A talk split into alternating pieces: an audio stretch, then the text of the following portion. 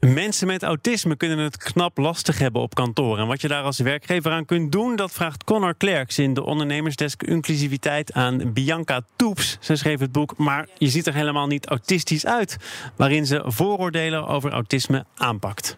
Ik weet niet of hier een eenduidig antwoord op is, maar waar lopen mensen met autisme op de werkvloer nou doorgaans tegenaan? Uh, ik denk dat uh, een van de dingen die heel lastig is, is uh, van, die, van die open werk kantoortuinen met open werkruimtes. En uh, iedereen loopt binnen en iedereen zit in één hal met allemaal bureautjes. En uh, ik denk dat dat een van de dingen is waar mensen met autisme heel veel moeite mee hebben. Ik ken ook een aantal mensen die echt alleen maar kunnen functioneren als ze dan met een noise cancelling koptelefoon zitten.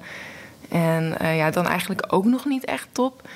Ik zou zelf altijd liever in een, in een afgesloten ruimte zitten. Dus het is eigenlijk een probleem wat uh, ook mensen zonder autisme wat we heel veel zien met het nieuwe werken, die grote nieuwe open kantoorruimtes. Dit wordt dus eigenlijk uitvergroot als je uh, autisme hebt.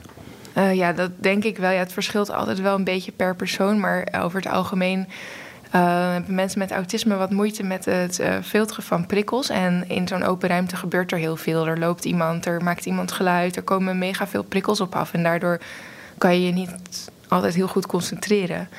Plus, mensen met autisme zijn vaak heel, uh, die, die, die kunnen heel geconcentreerd en heel erg uh, aan een probleem zitten tot het opgelost is, in, tot in de kleinste details.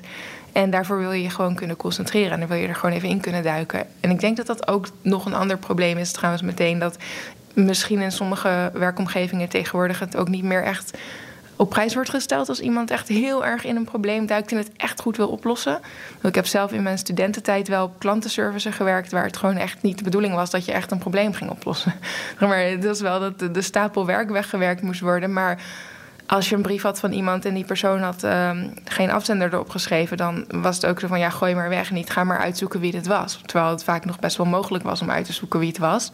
Maar ja, dat, dat, dat wilden ze niet. Dat duurde dan te lang.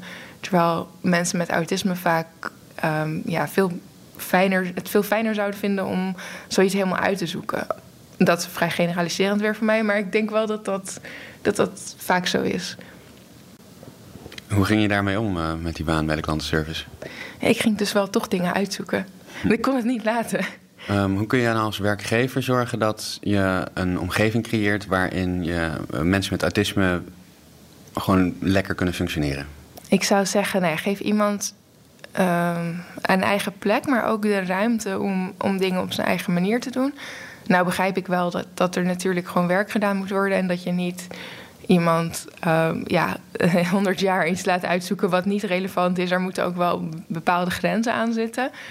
Maar ik zou zeggen, zorg wel dat er misschien iets van ruimte is. Weet je, niet alles hoeft altijd op een bepaalde manier gedaan te worden. En als iemand op zijn manier wel functioneert, Um, ja, ik denk ook, wat je ook denk ik het beste kan doen, is gewoon heel goed luisteren. Want mensen weten vaak zelf ook wel goed wat er nodig is en wat ze graag zouden willen. En waar ze tegenaan lopen. Um, bijvoorbeeld, stel, er zijn mensen die heel erg tegenaan lopen dat er heel veel um, gemiet moet worden en heel veel vergaderd. Dan zou je best kunnen kijken van kan dat misschien wat minder of kan dat op een andere manier of uh, via mail of ja, noem maar wat.